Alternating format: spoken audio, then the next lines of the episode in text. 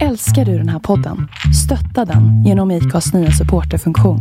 Det är helt upp till dig hur mycket du vill bidra med och det finns ingen bindningstid.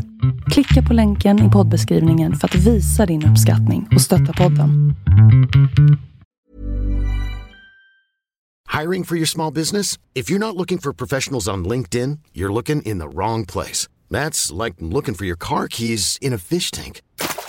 LinkedIn helps you hire professionals you can't find anywhere else, even those who aren't actively searching for a new job but might be open to the perfect role. In a given month, over 70% of LinkedIn users don't even visit other leading job sites. So start looking in the right place. With LinkedIn, you can hire professionals like a professional. Post your free job on linkedin.com slash achieve today. Ryan Reynolds here from Mint Mobile. With the price of just about everything going up during inflation, we thought we'd bring our prices down. So to help us, we brought in a reverse auctioneer, which is apparently a thing. Mint Mobile unlimited premium wireless. Ready to get 30, 30, bit to get 30, bit to get 20, 20, 20, bit to get 20, 20, bit to get 15, 15, 15, 15 just 15 bucks a month. So, Give it a try at mintmobile.com slash switch. $45 up front for three months plus taxes and fees. Promo rate for new customers for limited time. Unlimited more than 40 gigabytes per month. Slows. Full terms at mintmobile.com.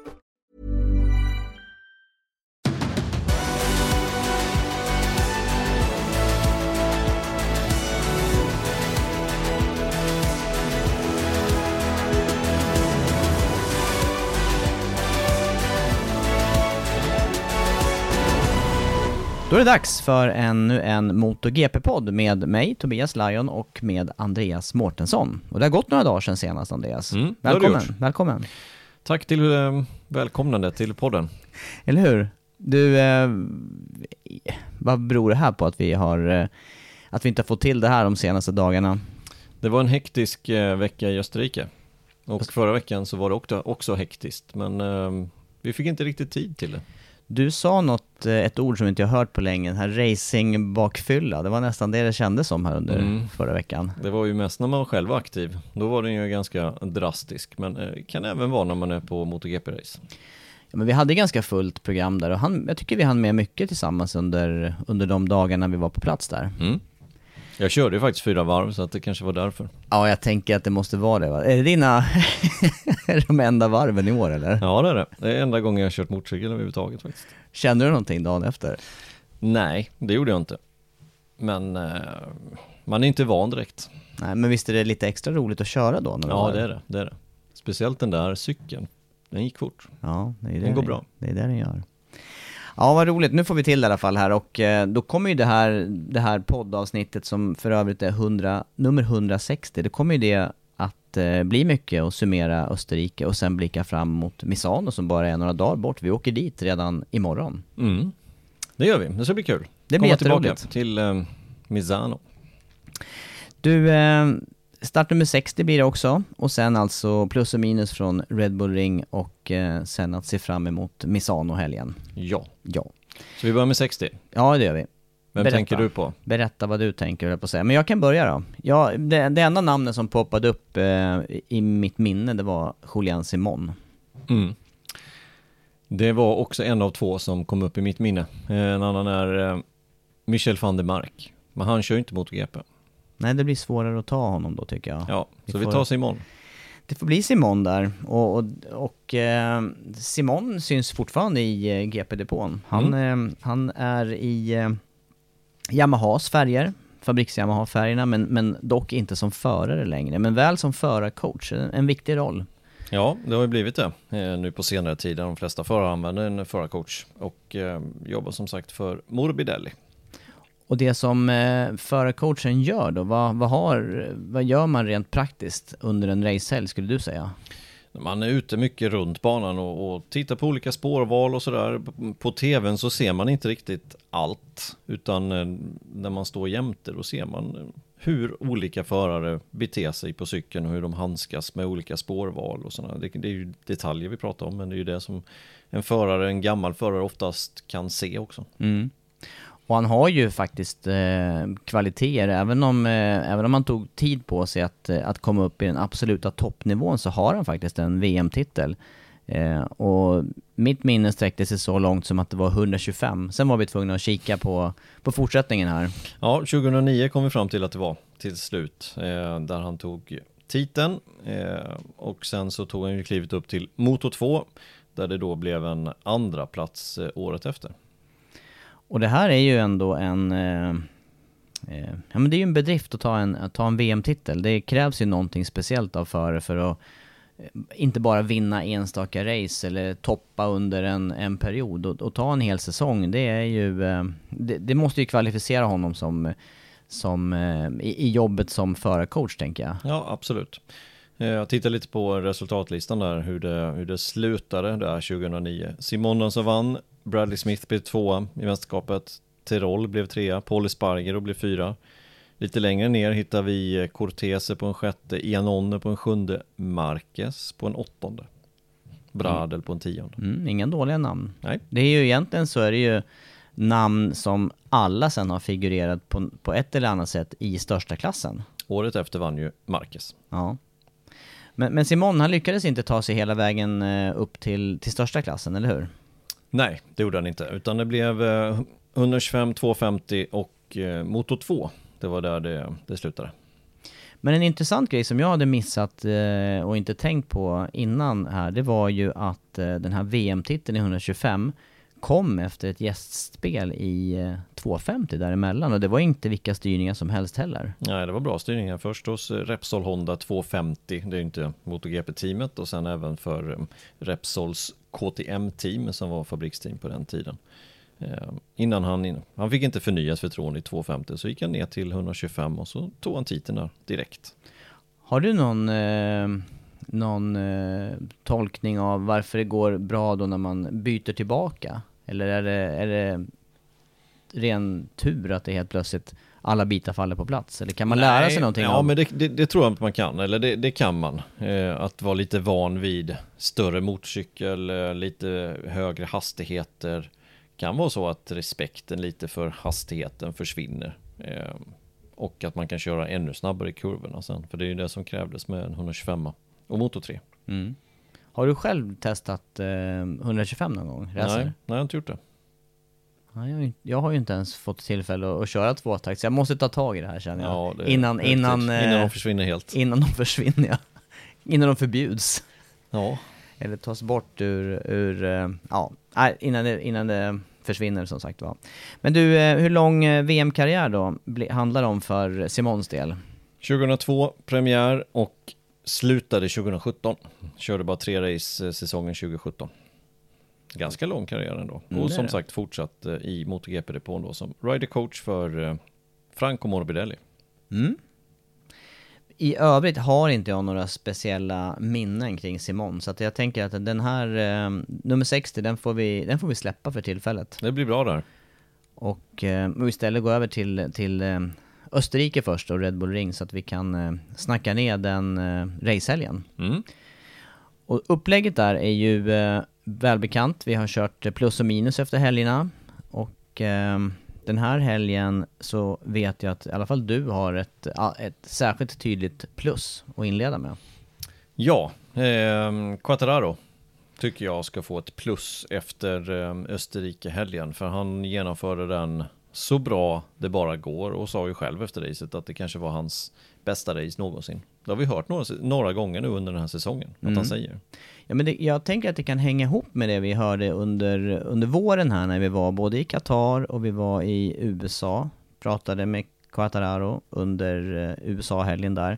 Och då var han ju rätt less på ja, brist på utveckling, brist på fart i cykeln. Men vi ser ju återigen att det är ju inte bara toppfart och motoreffekt det handlar om. Nej, men det, det kräver också jag hörde någonting som han sa där att det kräver så mycket från honom att ligga på den här gränsen i svängarna hela, hela, hela, hela tiden och det är ju det han måste göra.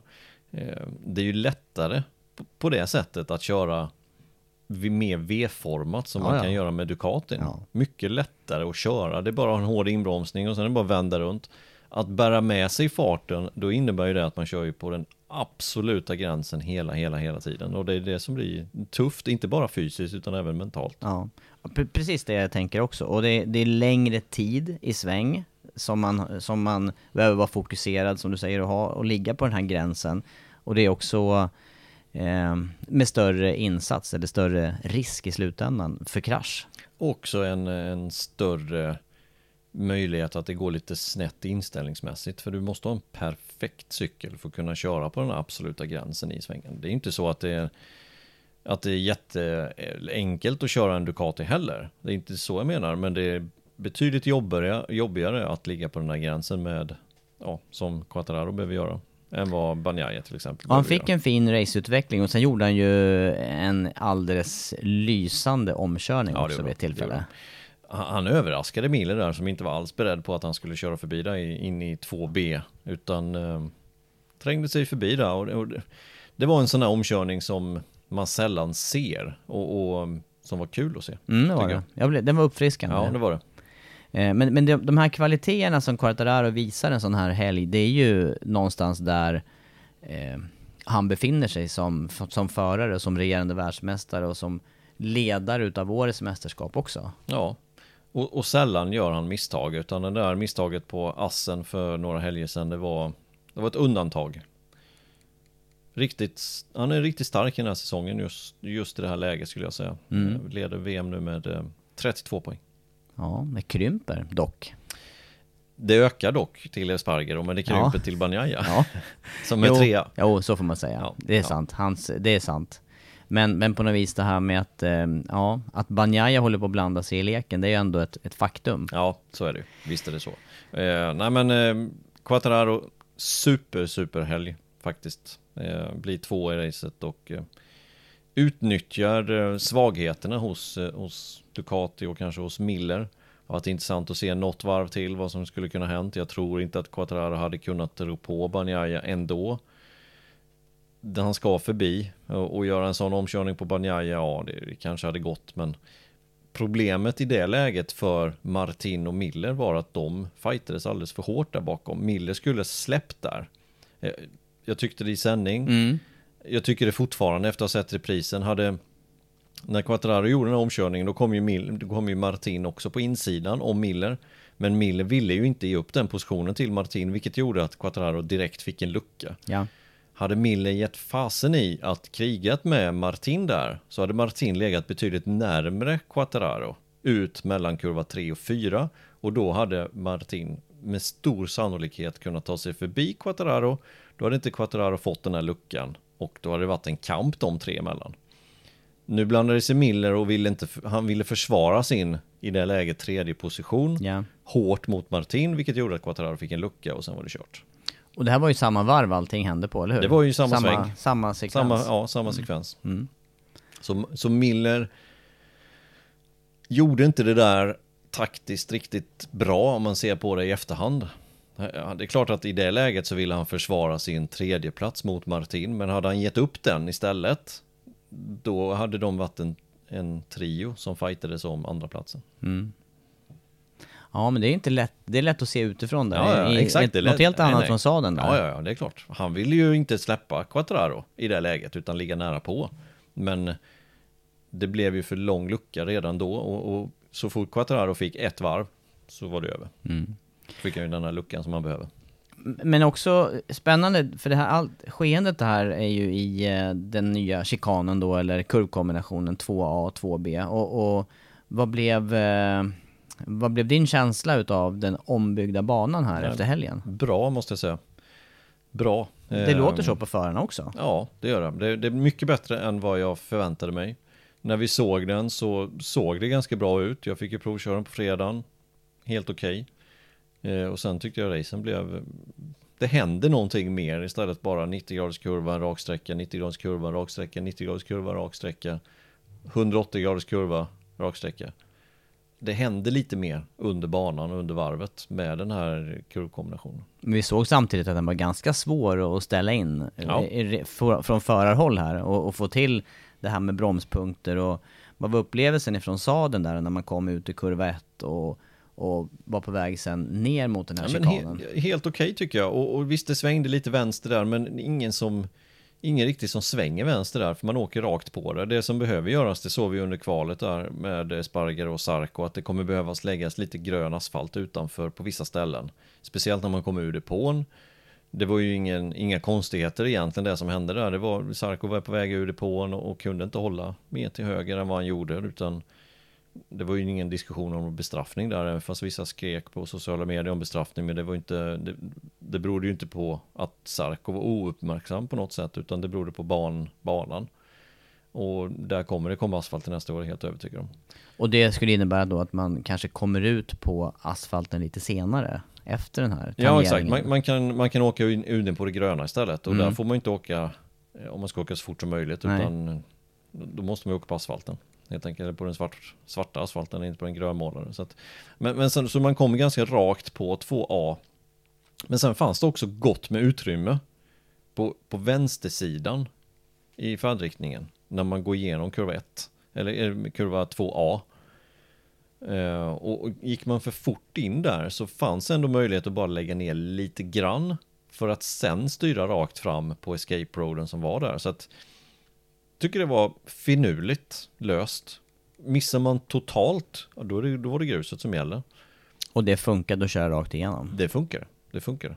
Ehm, och Martin gjorde ju det någon gång och genade där och sen så slog han av en sekund. Det blev ingen bestraffning för han tappade tillräckligt mycket. Så att jag tycker att eh, den fungerade bra. Plus att vänstersvängen där, 2B, var ganska öppen.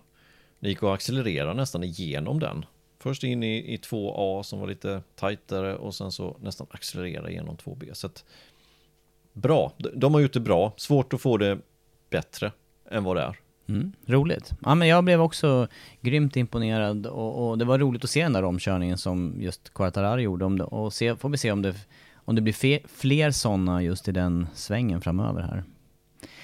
Men du, det var plussidan där och eh, Quartararo ser ju fortsatt stark ut i mästerskapet. Eh, en förare som jag tyckte också stack ut, eh, men som vi inte såg mycket av under racet, utan det blev mer när vi tittar på raceresultatet sen.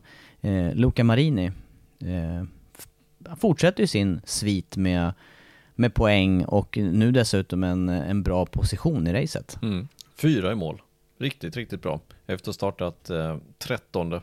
Fick ju en plats gratis på eh, sista varvet när Martin gick omkull i fight om, eh, om sista pallplatsen. Eh, men blev ändå fyra och han har några bra resultat den här säsongen. Alltså två sjätteplatser, en femteplats och nu då en fjärdeplats. Så eh, han går lite under radarn, precis som du säger, men ja, ska bli kul att följa honom i helgen faktiskt på Misano på hemmaplan. Och så sitter han på, på senaste materialet. Så att Mm. han, han har ju också precis, han måste ju precis som fabriksteamet och deras förare måste ju han haft en, en tid på sig att, eh, eller behövt tid på sig att köra in sig på grejerna. Ja. Ja, fyra utav Marini alltså, för mig på plussidan där. Och eh, han sitter på Ducati. Han... Eh, eh, jag, jag skulle vilja lyfta Ducati också, för det såg vi under racet här med Banjaya som vann, eh, Miller med upp och slåss om eh, pallplats och, och dessutom då Bastianini och Martin som har sin stenhårda fight. Eh, ja, Ducati är ju ett starkt moment just nu. Sju av åtta var det inte så på kvalet? Mm, som var, i- ja just det, i kvalpositionen ja. Ja, det var något sånt där i alla fall. Men, Ja. eh, men eh, starka. Jag trodde inte de skulle vara så starka med den nya chikanen. Men eh, otroligt starka. Är det något fabrikat som, eh, som hotar med ett allround-paket i det här läget? Nej, inte, inte på det sättet är det ju inte det. Det är ju så pass många Ducati så den verkar ju funka för de flesta förare, inte bara en förare som både Yamaha och Honda fungerar bara för en förare egentligen. Nu har Aprilia bara två så att det är svårt att säga men, men eh, där funkar det ju mer för både Sparger och Vinales. Även fast Vinales eh, klappade igenom lite den här helgen. Ja, det gjorde han. 13. Mm. Och inte så lyckad eh, racehelg heller för Aleix Sparger. Men, men Ducatin då, i, i det här läget, eh, kan, de, eh, kan de fortsätta och, och etablera sig som det ledande fabrikatet här nu då i mästerskapet? Ja, det tror jag. De har ju åtta förare också så att alltid är det ju någon som presterar. Eh, nu har Banjaya presterat bra. Tre raka segrar till exempel. Och ändå ha- hamnar inte hon, eh, hans namn här på plussidan nu då? Vi har inte nämnt honom än, men han måste nästan få ett plus va? För att han gjorde ju ett bra race. Eh, han var egentligen aldrig hotad. Miller var om en kort, kort stund. Banjaya högg tillbaka direkt och sen, ja, hur var Millers vilja egentligen för att för att eh, attackera Banjaya kan man också fråga sig väldigt lite skulle jag tro. Ja. Nej men det, det är en stark eh, period just nu för Banjaya, det Ja, kan, det är man det. inte, det kan man inte sticka under stol med. Och han, är, han håller på att tugga in poängavståndet fram till Quartararo. Men fortfarande så måste han ju, eh, han, han måste ju vara före i mål här. Och, Ja, ja och- det, det är ju 44 poäng så att 44 poäng är ganska mycket ändå. Eh, men sen vet vi hur den här sporten kan gå, kan gå snabbt. Mm. Men blir de etta, tvåa i närmsta racen, då, tar det ju tid. Japp.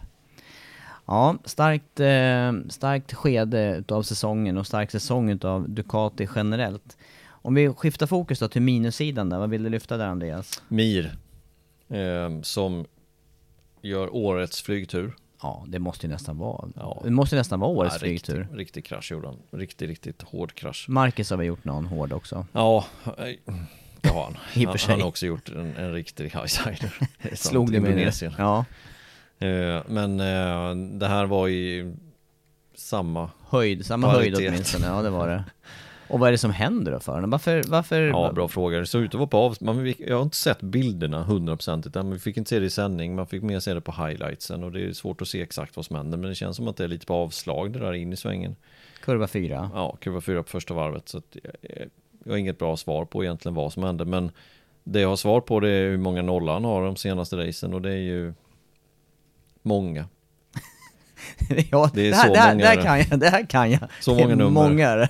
ja men det är många. Han, det, Det är, alltså, det är alltså nolla i Portugal, det är nolla i Frankrike, det är nolla i Italien, det är nolla i Tyskland, det är nolla på Silverstone och det är nolla i Österrike. mm, sex stycken då. Ja, på de senaste nio racen. Mm. Tre målgång alltså, sex Mm. nollor. Men, och det här började ju när eh, Suzuki annonserade att det är färdigkört för dem i, i MotoGP. Ja, Då började den dåliga, dåliga lyckan på söndagar för ja, Mir. ja. Och, och den här gången skadade han sig dessutom. Så att eh, han är ju borta här nu den här helgen. Ja, det var inte bra alls. Anken. Mm. Ehm, och eh, då blev det plötsligt lite jakt på att hitta en vettig ersättare här och det Mm. var inte, ingen solklar eh, Ingen solklar eh, efterträdare till Mir. Nej, Men nu är det bestämt. Kazuki Watanabe. Och det är ju ett namn som, ja i år har man, vi har ju bara hört honom, eller jag har bara hört honom ihop med Endurance VM-sammanhang. Sert Suzuki. Ja, hamnade väl på pallen på Suzuka åtta timmars för några veckor sedan.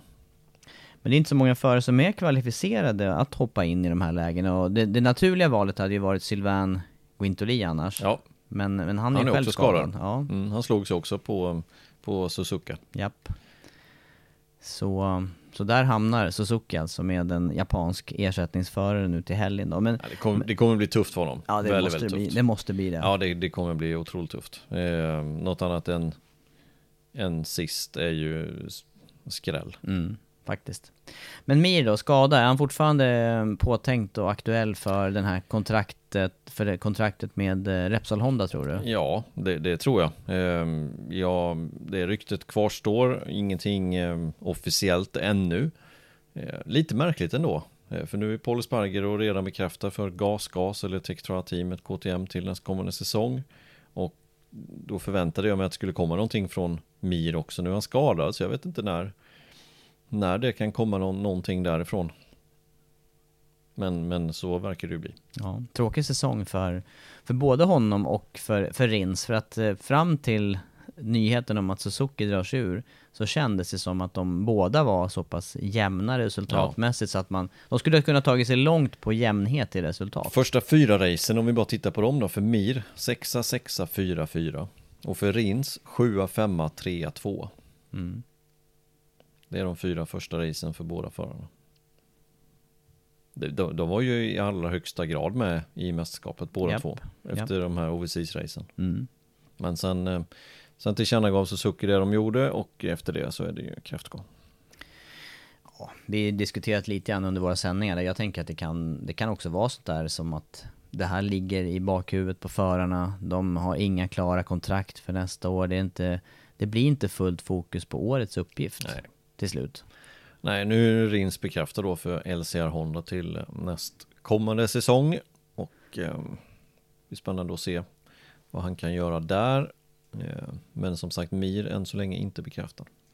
Nej, men jag tror att det där blir bra värvningar från, från Honda-håll. Mm. Att de kan dra nytta av deras Suzuki-erfarenhet och att man har två förare som har åkt likvärdigt material innan och likvärdigt material nu då igen Ja. hos Honda. Ja.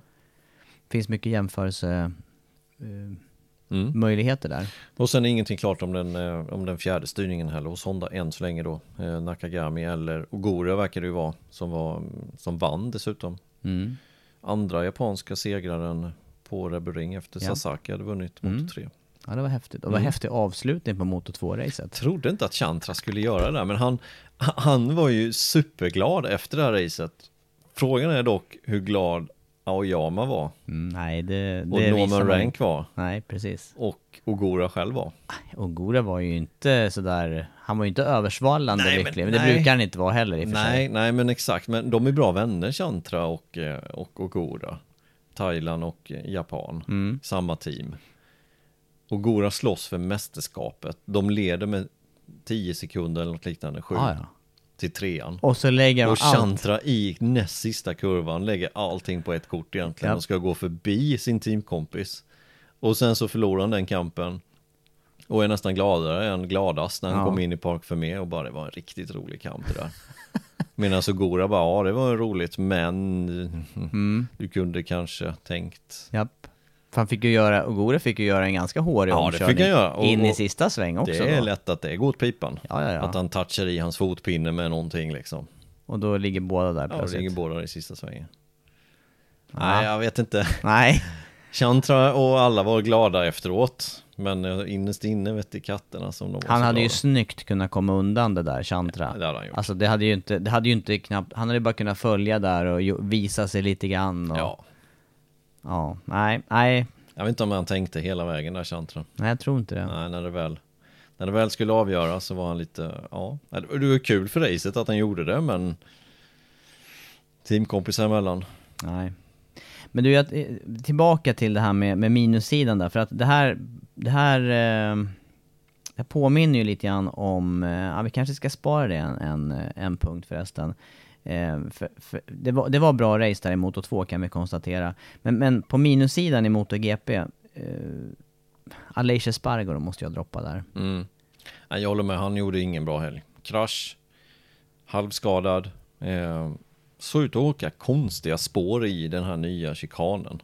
Fick till det lite bättre på racet men slutade sexa till slut och hade ingenting att hämta egentligen. Nej. Tufft eh, utgångsläge också inför racet. Visst blev det nia på kvalet där? Mm, nia på kvalet, eh, blev sexa i mål. Eh, hade inte Martin kraschat sista varvet så hade han blivit en placering till bakåt. Hade inte Bastianini förstört eh, sitt fram, sin framfälg där efter något varv så hade, alltså, det var ingen bra helg. Nej, men, men det där tyckte jag att vi såg tydligt tidigt på helgen att hans cykel, där Aprilian, han fick inte, han fick inte med sig cykeln i Nej. svängarna och Nej. den, det såg ut som att den understyrde där och det är sällan man ser det så tydligt. Som, det, det, bara, det bara fortsatte under hela, Det gjorde det. Hela och det var inte bara nästan. den nya chikanen utan det var även i kurva 4 där han inte fick med sig cykeln in ordentligt mot Apex och sen var han ju blixtsnabb i sektor 3, de snabba vänsterkurvorna mm, och, och genom kurva 8, snabba högerkurvan där men det hjälper ju inte när du tappar allting i, i kurva 3 och 4.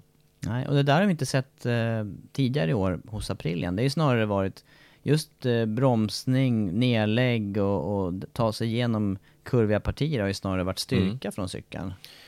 Lite oväntat. Ja, lite oväntat men det gick ju dåligt för båda aprilierna dessutom så att um, Vinales alltså på en 13. Mm.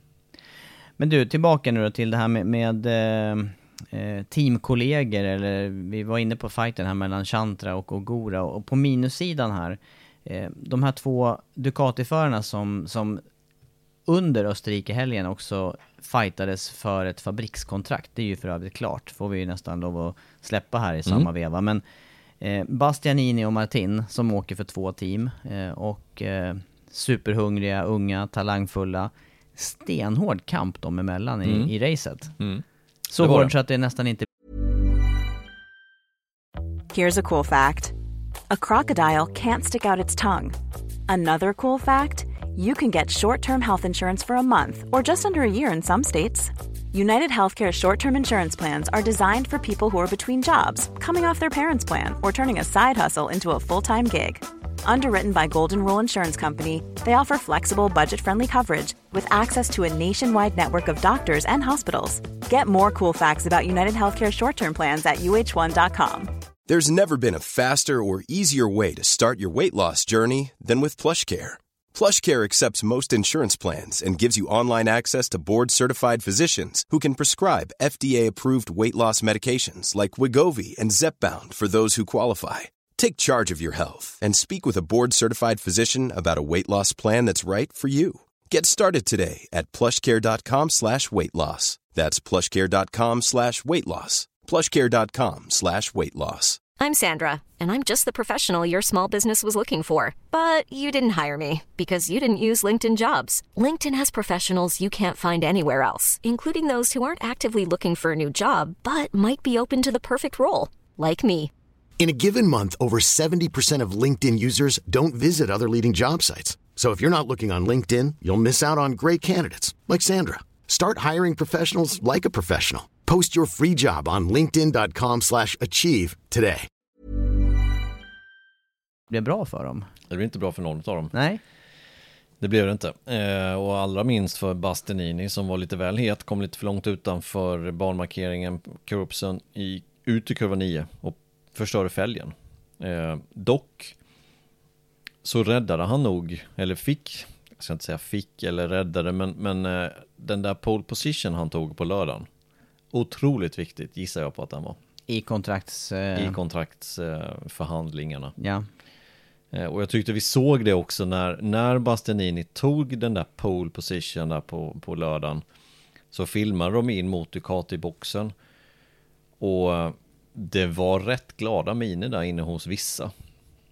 ja, det var det. Du tänker att det redan eh, då Ja, jag, tr- jag tror det. mycket var klart kontraktsmässigt? För det, var, det är ju Bastianini som, som, nu har, Ja, exakt. som nu har fått eller skrivit på för Fabriks Ducati. Ja, det är det. Men, men framförallt hos, eh, inte Tardozzi utan hos, eh, Eh, vänta nu, måste jag... Står det stilla där? Ja, Ciabatti. Ciabatti ja. Ja. När de filmade honom. Ja. Han var, ex- alltså man, man såg på honom att det är nästan så att han har lobbat för Bastianini men inte riktigt fått gehör. Nej. För att det som har varit på Bastianinis minussida hela tiden, det har ju varit kvalet. Där Ja. han inte har lyckats sätta ihop ett bra kval. När han väl har gjort det så har han ju ett bra resultat i racet också, Qatar till exempel.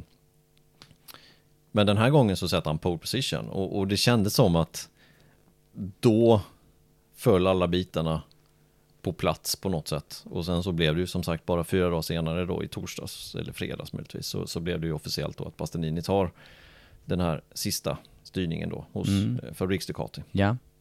Men, men deras race då? Både Bastianini och Martin, jag kan tänka mig att lyfta båda här på, på minussidan ändå. För att de lyckas ju inte särskilt väl med sina... Med Nej sina... men de fightas ju stenhårt, ingen vill ju ge sig mot varandra.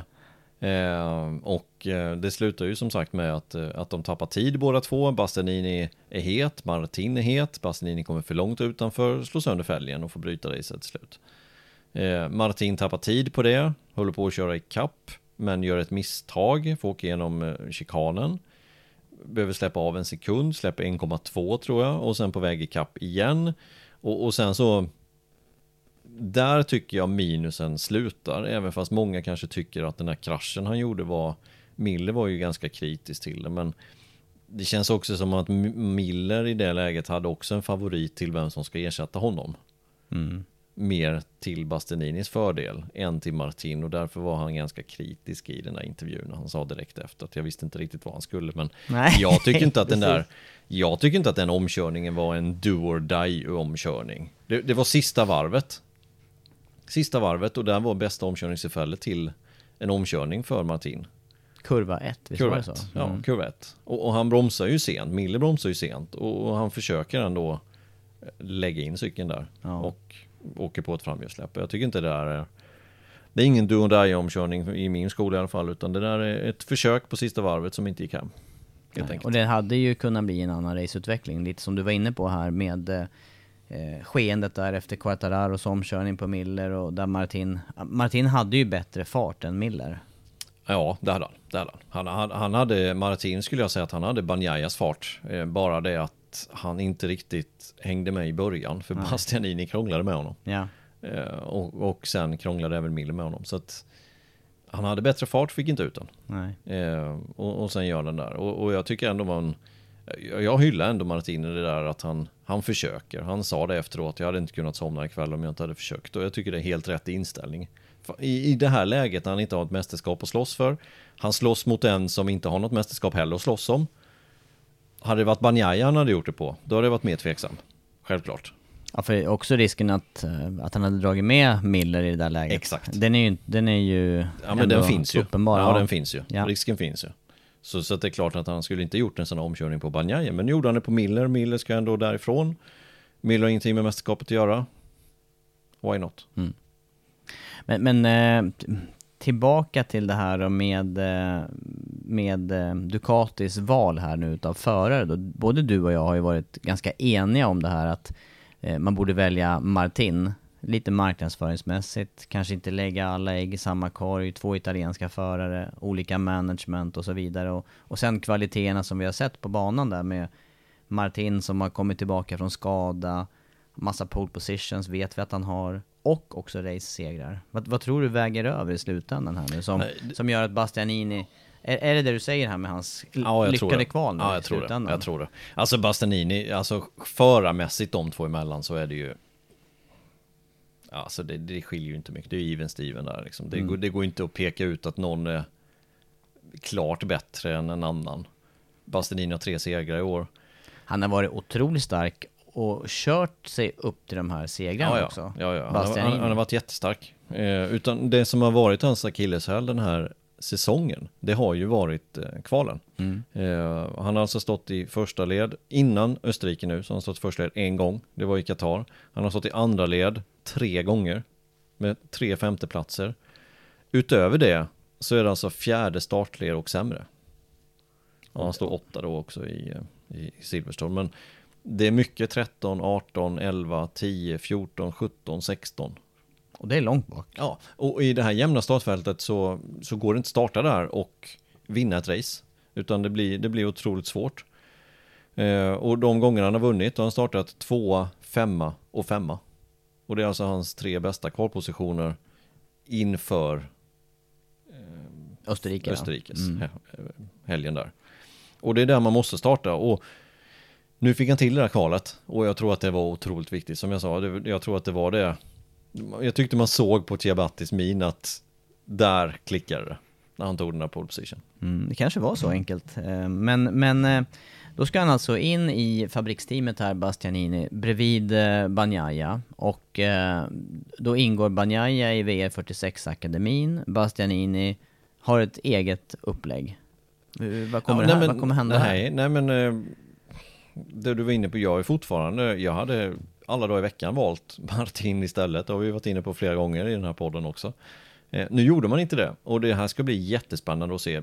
Bastianini kan givetvis bli världsmästare nästa år. Absolut, han har de kvaliteterna. Eh, det hade Martin också haft. Men frågan är hur det här kommer fungera. Det är två italienska förare, två olika management. Senast, eller de två senaste gångerna som Ducati har två italienska förare, hur bra det har gått. Jag tänker på Iannone, Iannone och Dovizioso. Ja, inte så Sådär, bra. Mm, skulle jag säga. Mm. Och i slutändan så kanske de valde fel Andrea för att vara kvar. Ja, kanske. Kanske, Mm. kommer vi väl få svar på. Tre raka andra platser var ju bra också för är inte tror jag, men Enon i 2016 hade ju kanske lite mer edge än Mm. vad, vad Dovi hade. Ja. Nästa gång de hade två italienska förare, då var det Petrucci och Dovizioso. De var ju superbra vänner och tränare och allt möjligt. Sen så i, i Mugello när, eh, när Petrucci kände att nu vill jag ta den här chansen att vinna. Då var det samarbetet inte längre sig likt. Nej. Då var det, Skört, skört. Då var det väldigt skört efter ja. det. Ja. När Petrucci visade på insidan och Dovi fick slag. ja. Ehm, hur kommer det här fungera? Nej, ska bli... Bastianini på väg uppåt, Banjaya på väg uppåt. Ingen utav dem har varit i närheten att slåss om en titel innan. Banjaya kanske i år då. Ja, det, det gäller att de jonglerar bra här mellan, eh, mellan alla viljor och resultat, eh, Ducatis sida. Och hittills har man ju inte lyckats så bra med det här jonglerandet just när det gäller att ta titeln, ta det här absolut viktigaste steget. Nej. Det börjar bli länge sedan nu man hade en Ja, är VM-titel. 2007 senast, enda gången. Ja. Men eh, nu har de gjort sitt val. Och eh, jag har svårt att se att det skulle bli något annat, även fast Bastianini bara är ett ettårsavtal. Eh, med Ducati, samma som Banjaya, kommer ju gå ut efter nästa år. Jag har ju svårt att se att de kommer flytta på någon av dem till året efter. Utan nu kommer det här nog ligga fast, gissar jag på. Eh, vi kan ju räkna med att kontrakten kommer skrivas ganska tidigt nästa år. Det vill säga att varken Bastianini eller Martin har ju hunnit att, att prestera på den nivån så att den ena eller den andra liksom är värd fabriksstyrningen. Utan det är ju rätt enkelt för Ducati att bara förlänga kontrakten för både Bagnaia och, och Bastianini. Mm. Vilket gör att, som vi har varit inne på Viktigt. många gånger, Viktigt. viktig, sitt- alltså det här valet var ju otroligt viktigt och jag tycker vi, även fast vi inte har läst knappt vad Martin har skrivit, för han har inte skrivit någonting, jag tycker vi kan läsa någonting utav att han inte har gjort det. Att han är otroligt besviken på det här och vet ju att det var hans chans att komma in i ett fabriksteam Ja, närmsta tiden. Mm. Ja. Och jag tror att han kommer lämna Ducati efter nästkommande säsong. Nu är ju Martin och Sarko klara också för nästa år eh, hos Pramac, så att vi vet att de, De är hade kvar. ju, ja, både Martin och eh, Bastianini hade ju kontrakt med Mm. Ducati, så att då blev det ju naturliga. Eh, och det blir också spännande att se. Jag tror Martin är ganska sugen på att bevisa att de hade fel, medan Mm. Bastianini då sitter i, i fabriksteamet. Mm. Och så ska han tacklas då med, med eh, Bagnaia. Ja, det blir, Hård inbördeskamp, ja, det blir alltså. jättespännande att se. Det blir jättespännande att följa faktiskt. Ja. Två italienska förare med olika management på ett italienskt fabrikat. Och du, om vi fortsätter här nu då i podden med, med eh, nästa punkt, för att vi är inne på det här med nyheter och det som har hänt under, eh, under veckan efter Österrike. Eh, det som vi inte behandlade så mycket under helgen där, det var ju också den här nyheten som faktiskt dök upp under helgen med ändrat raceformat, eller ändrat upplägg på helgerna till nästa säsong. Sprintrace på lördagarna. Eh, slänger man in det också i ekvationen här, då blir det ju väldigt intressant att se här hur, hur mästerskapet kommer utvecklas nästa Mm. år. För det Mm. blir ju ett annat, det blir ju ett annat upplägg på helgen. Det, måste, det kommer man ju inte ifrån. Eller? Ganska Nej, stor absolut. förändring. Det här måste ju vara en av de största förändringarna på, på många år. Ja, Som man genomför. Visst. Och som man egentligen inte haft tid och eller tid, man har ju inte Man har ju inte passat på att bolla det här med förarna på något vis utan det här är ett en ny, ett nytt format som man tänker ska dra mer publik framförallt till racehelgen. Mm. Ja, mer intresse skulle jag säga även för tv. Eh, för det här. Och jag tycker det är bra. Eh, upplägget kommer ju se ut som följer att istället för två 45 minuters träningar på fredagen så kommer det bli två 60 minuters träningar. Det är åtminstone vad det, det står. Det står inte specificerat 60 minuter men det står längre träningar än vad det är idag. Eh, men vi utgår från att det är runt 60 minuter. Eh, och de två träningarna kommer alltså avgöra vem som går till Q1 och Q2. Sen kommer FP3 ligga på, på lördag morgon och den kommer ju bli som FP4 är idag, det vill säga tidtagning men inte mer än så, utan bara ja, race-simulationer. Vilket inte är speciellt lätt att göra på en lördag morgon. Nej, för det är inte det som kommer gälla sen Nej, det när kan det är vara kallt eller varmt. Det vet vi inte. Ehm, det är intressant tycker jag. Det gör ju att FP2 kommer ju bli hur viktig som helst. Dels måste du hitta en setup på cykeln eh, som funkar inför racet. Och, och dels måste du ju sätta en bra tid. Så att FP2 kommer ju vara det passet som kommer vara mest intressant. Och det är redan det andra passet på helgen Ja, alltså? ja. Mm. Så, intensivt på, på ett Väldigt annat sätt? Intensivt, Ja. väldigt intensivt. Sen FP3, det är ju som FP4 idag och sen så kommer det vara ett sprintrace. Eller rättare sagt, sen kommer ju kvalet vara Q1 och Q2 och sen kommer sprintracet. Så, ehm, nej, det är, jag är positiv. Och kvalet kommer alltså gälla för båda racen, vilket jag också tycker är bra, så man inte har något kvalrace eller något sånt där. För det där med kvalrace är jag inte mycket, jag är inte mycket för det. För gör man ett misstag på kvalracet och inte ja, jag har både varit med om att man går på placering och varvtid. Men man kan ju krascha första varvet och då är hela helgen liksom över. Mm. Så det tycker jag inte är bra, utan bättre att ha ett stenhårt kval och så samma startposition i båda racen. Och du, du säger det här, halv racedistans, eh, halv poängutdelning eller lite, knappt halv? Ja, knappt, knappt halv. halva? Ja. 12, Eh. 9, 7 var det va? Ja, och sen så har jag också läst någonstans om att man då att det inte ska räknas som en GP-seger om man tittar på his, i eh, historieböckerna. Vad, vad tänker du där? Ja. Det måste ju vara en seger Ja, ja, som seger. Ja. ja. Så kommer det nog bli i framtiden. Men, men jag kan ändå förstå resonemanget inledningsvis där att det inte ska räknas som en GP-seger. För att det är ju trots allt bara halva distansen och, och halva poängen. Mm. Men vem kommer komma ihåg det efter något år sedan? Men finns det några tydliga vinster med det här upplägget då tror du? Eller tror du att det kan ge, generera det plus som man tänker då gällande intresse och för publiken? För Ja, men jag tror det. Jag, jag tror att det är en plus. Eh, sen om det kommer dra in nytt folk i sporten som tittar på grund av det här, vet inte. Men jag tror att man kommer få mer valuta för, för tiden och pengarna man lägger ner. Tror jag. Ja. Det, det vet jag ju bara att titta på F1. Jag tittar ju hellre på sprintracen på kval. Mm. Till exempel. Ja. I, i, I F1 så har man ju kvalet istället då på fredag eftermiddag och sen har man sprintrace. Då, då tittar man ju någonting varje dag. I, an, I annat fall så kanske man inte gör det riktigt. Nej. Nej, jag vet ju själv också när vi är på plats och, och jobbar. Det är ju det är ju roligt de här lördagsracen om man kör Moto-E eller om Ja. det är Red Bull Rookies Cup. Det spelar ju ingen roll egentligen vad det är för, bara att det är ett race där. Bara det är race ja. På slutet. Race är race. Race är race ja. Ja, det är det andra är något annat. Ja. Men, men eh, nej, jag- ser, egentligen ser jag bara fördelar med det. det. Det finns nackdelar, om man verkligen vill eh, hitta dem så går det att hitta dem. Eh, men jag tycker fördelarna väger över mycket. Det jag tycker man kan eh, utläsa hos vissa förare, för det var ju ganska negativa, var ju rakt negativ kommentar från Quartararo till exempel där under helgen att man idiotisk idé liksom att köra dubbelrace men, men ökade pressen på förarna det här under en, en racehelg att man plötsligt ska ställa upp till ett race till under lördagen? Jo, det gör det ju. Det gör det. Det, det, det, det här vanliga liksom upplägget att allting handlar om söndagens race, det, det försvinner ju lite. Eh, Men det är ju däråt alla sporter går känns det som. Alltså alla motorsporter går ju däråt att vi ska ha lite fler race i eller två, tre race till och med. Och F1 har provat det och milracing har det på många andra. Alltså det, det är det som folk vill se race. Ja. Och de är ändå på plats. Det handlar Ja. inte om någon extra tid på banan egentligen. Om man tittar på ekon eh, ekonomi och budget här kommer ju bli plus minus noll Ja. i princip. Ja, ja. Eh, Lite mer lameller kanske. Koppling. Ja, det ska vara det då. Och sen får förarna två chanser också på sig att visa vad de, eh, vad de kan prestera. Men Ja. eh, det, det, det är en liten skillnad kan jag tycka när det handlar om motorcykel annars. För vi har ju sett helger förare som är överlägsna fartmässigt, kvalar bra och så gör man något litet, litet misstag eller blir puttad och så är det noll och ingenting. Ja. Nu blir det ändå två chanser att visa Mm. vad man eh, kan en sån här Mm. helg.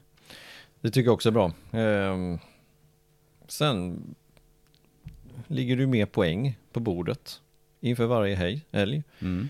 25 plus 12. Du kan ta 37 poäng på en helg. Det är många poäng. Vi, blir, vi kommer bli duktiga i huvudräkning Ja, det här. kommer krävas lite. Eller hur? Jag har precis liksom eh, Precis lärt sig. det här. nuvarande poängsystemet. 20 år har man Ja, precis lärt sig det här. Ja. 25, 20, 16, 13. Och, Men och det är lite svårt att säga- differenser och Ja, och sen vad, vad ger en nionde plats? Ja, men det är sju poäng. För att då är minnet, kan man komma ihåg, 8-8. Ja, den, den har jag också. Ja, och sen kan man gå därifrån sen. Ja. Men nu måste vi ju tänka om här, för nu var det ju bara topp 9 som tar poäng också. Herregud, det här kommer ju bli någon översättning. Det här får man ju ha någon sån här som man hade i skolan, någon sån här, Lathund. någon lathund, ja, någon sån här, man, man drar, och finns färdiga rutor så Just det. flyttar man. Ja, just det. Jag vet inte vad det hette när jag var liten, det hette något speciellt, man kunde spela något spel där, själv, självrättande. Ja. Det är det vi får ha. Mm. Nej men eh, det ska bli intressant med det raceupplägget och det, det är ju, det kan ju faktiskt vara förare som, eh, som eh, plötsligt är vassa, eller syns mer under de här sprintracen. Mm. Absolut. Bastianini kommer ju inte komma sin förmåga. Nej, precis. Han kommer ju inte hinna upp från Nej. sin 14 Nej, plats exakt. till... Han kommer ju få problem. Ja. Han slutar just nia och vad får han för poäng då? Det vet vi Ja. inte. än. Ja, det var enkelt. Nej men sprintrace alltså 2023, och det här gäller hela, eh, hela säsongen och Ja. alla racehelger. Helt nytt schema och eh, dessutom tycker jag det är bra att de ändrar också så det blir ordningen på dagen blir Moto 3, Moto 2, MotoGP. Moto 3, Moto 2, MotoGP. För så Mm. är det inte idag, utan på träningarna så är det Moto 3, MotoGP, Moto 2. Och det tycker jag är bra att de ändrar. Eh, måste blir ju betyda för- att vi får lite mer sovmorgon också. Det är kanske det bästa för dig Mårtensson. ja men det är bra, då hinner jag göra, då hinner jag göra något ytterligare där på Ja, morgonen. då, då hinner du ha sju lektioner första på Japp, förmiddagen. japp. Eller eh, så, så kan det bli någon sightseeing någonstans. Något, Ja, exakt. något kulturellt. På Ja, kvällen innan. precis. Studera högkulturerna vid Medelhavet där. Ja, det är väl jättebra. Du, eh, vi måste närma oss Medelhavet. Eh, för dit ska vi imorgon. Adriatiska Ja, havet. men det är väl ändå en del av Ja, det Medelhavet. del av det, måste du väl, det måste du väl ge mig. Ja, det måste jag. Eh, östkusten, San Marino och eh, Misano. Misano World Circuit, Marco Simoncelli. Det heter väl Ja. inget mer i år? Jo, det tror jag. Det är, det är något, säkert något sponsornamn också. Det Ja, är något just det. nytt sponsornamn till den här helgen vet jag. Säkert något dubbel-trippelnamn där, som att vi kommer tungvrickar-VM under helgen. Eh, ja, jag vet inte vad den kan heta den här gången. Nej. Vet du? Nej, inte i år faktiskt. Jag har inte kollat upp det ännu. Nej, då ska, jag, då ska jag googla fram det. Då kommer den heta så här. Gran Premio Gryfyn di San Marino e della Riviera di Rimini på Misano World Circuit Marco Simoncelli i Italy. Och där är programmet slut. där, där är sändningstiden slut. Tack för oss. Kortaste, Kortaste. kortaste namnet på hela året. Det, ja, det blir, det blir perfekt här. Det är bäst att börja memorera. Mm. Men du, det är alltså racehelg, rätta mig här nu om jag säger fel, 14 av 20. Mm. Eh, och eh, det som har hänt här nu då, i tabellen med de resultat som vi har sett, det är ju ändå att, eh, att eh, Banjaya börjar blanda sig i eh, titelkampen. Och kikar vi på fjolåret här i Misano, om vi börjar där, då var ju faktiskt eh, Banjaya segrare utav det första racet av två. Mm. Och han var ju definitivt på väg att ta segern också Mm. i det andra. Ja, han var på väg mot seger, men eh, kraschade bort sig i näst sista kurvan. Kurva 13 kanske? Ja, kanske. 11 är kurvone. 11, 12. Nej, det måste vara kurva 15. Ja, det är måste vara 16 kurvor. Det är kurvor. många kurvor där. 16 kurvor måste det vara. Mm. Kurvone är kurva 11. Och sen är det 12, 13, 14 är hårnålen. 15 är vänster. Den första av de två avslutande vänsterkurvorna, den är ganska vanlig att krascha i, har vi sett Det genom åren. Man accelererar ut i hårnålen där och eh, svårt att, eh, att få bra fäste för Mm. framhjulet just i den svängen. Men det här betyder, skulle kunna betyda att, eh, att vi återigen kan få se en, eh, en stark racehelg från, från Ducatis sida Mm. och från Banyayas sida. Fortsätter att sätta press på, på Quartararo. Men Quartararo var å andra sidan tvåa Ja. där bakom Banyaya. Ja, Quattararo har varit tuffa. Kommer du inte ihåg det här racet med, eh, med Marquez 2019? Jo. Eh, han var väldigt nära segern där. Marquez avgjorde på sista varvet. Ehm,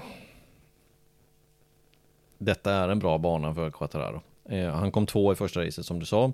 Andra racet blev han ju lite längre bak, men då handlade det ju om titeln å andra sidan. Han visste ju det att, att titeln fanns inom räckhåll. Och han säkrade ändå Och han också. säkrade titeln. Så att det kan man förstå att han inte blev två eller etta det racet. Så eh, hård kamp ser jag framför mig mellan mellan Quattararo och Bagnaia. Men jag tror även Bastianini den här gången också kan vara med eh, om han lyckas kvala bra. För han blev trea två gånger förra året. Mm. Två tredjeplatser, båda racen. Och, och fick ju egentligen sitt genombrott då skulle jag säga.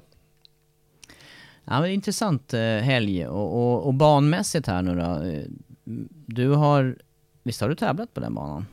Nej, inte tävlat. Tränat? Ja. Eh, Men det vi ser i alla fall då, jag tänker på rent racemässigt här, en bana ändå där det, där det finns en hel del omkörningsmöjligheter och, Det gör det. och dessutom en fräsch banbeläggning. Alltså det är, det är fina förutsättningar för racing där. Mm. Det är det. Eh, bra omkörningstillfällen. Det ser ut att bli hyfsat bra väder. Inte på torsdag, onsdag dock. Det ska bli lite ehm, regnigt. Förhoppningsvis så går det över. Och sen ska det bli soligt som det ser ut just nu i alla fall i helgen. Eh, hoppas på en torr, fin, varm helg. Eh, men som sagt, eh, Banjaya tränar ju där ofta också. Så att eh, han, han kommer bli, han är favorit inför helgen. Men går det att säga någonting då om, eh, fin, finns det fabrikat som, som man kan förvänta sig kommer att vara särskilt starka just runt den här banan eller? Nej, men jag förväntar mig Ducati. Eh, jag tänker mig mer förare här faktiskt än fabrikat. Ducati har gått bra. Eh, generellt sett, historiskt sett, på den här banan. Lorenzo var ju nära vinnaren någon gång, då, vi har vunnit där. Petrucci har gjort bra resultat.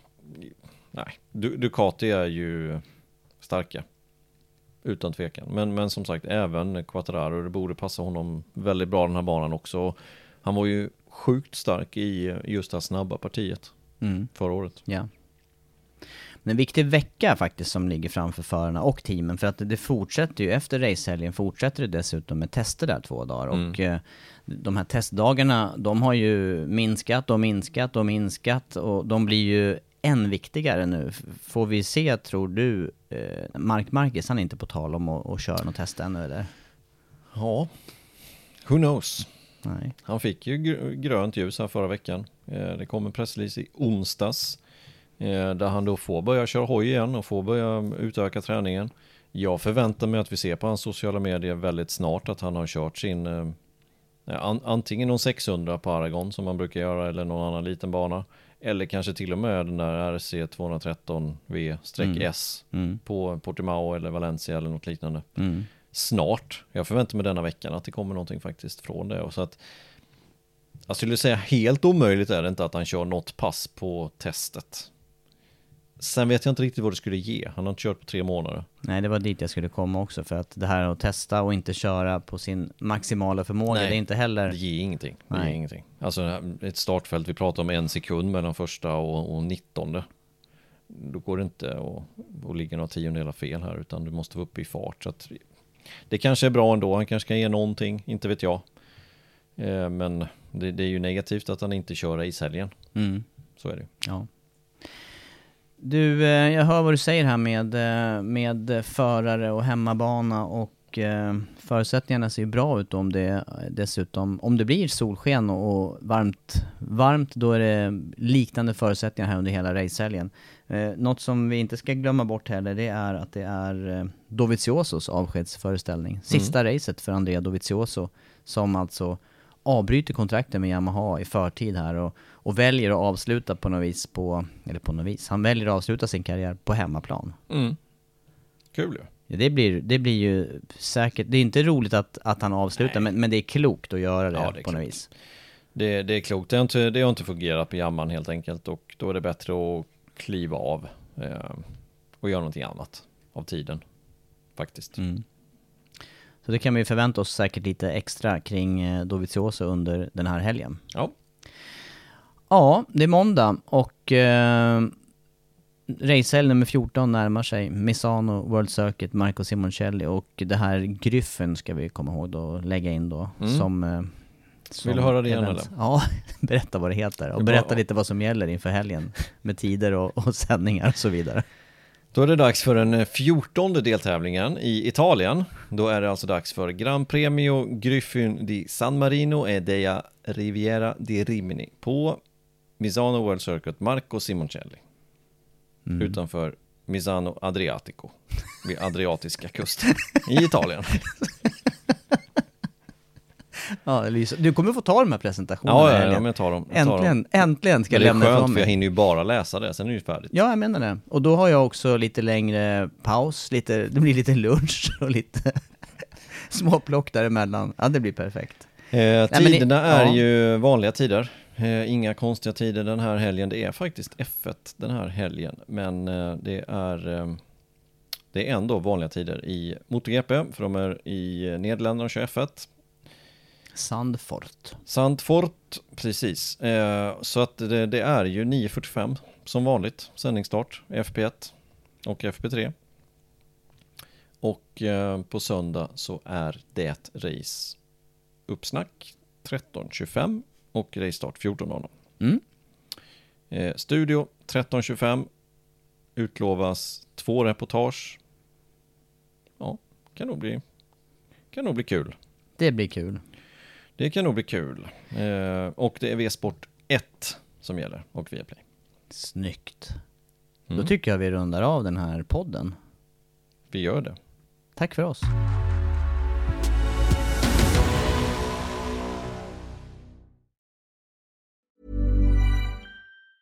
Hej, det är Danny Pellegrino från Everything Iconic. Ready to upgrade your style game without blowing your budget? Check out Quince. They've got all the good stuff shirts and polos, activewear, and fine leather goods, all at 50 to 80% less than other high end brands. And the best part? They're all about safe, ethical, and responsible manufacturing. Get that luxury vibe without the luxury price tag. Hit up quince.com slash upgrade for free shipping and 365 day returns on your next order. That's quince.com slash upgrade. Ever catch yourself eating the same flavorless dinner three days in a row? Dreaming of something better? Well, HelloFresh is your guilt free dream come true, baby. It's me, Gigi Palmer. Let's wake up those taste buds with hot, juicy pecan crusted chicken or garlic butter shrimp scampi. Mm. Hello Fresh. Stop dreaming of all the delicious possibilities and dig in at HelloFresh.com. Let's get this dinner party started.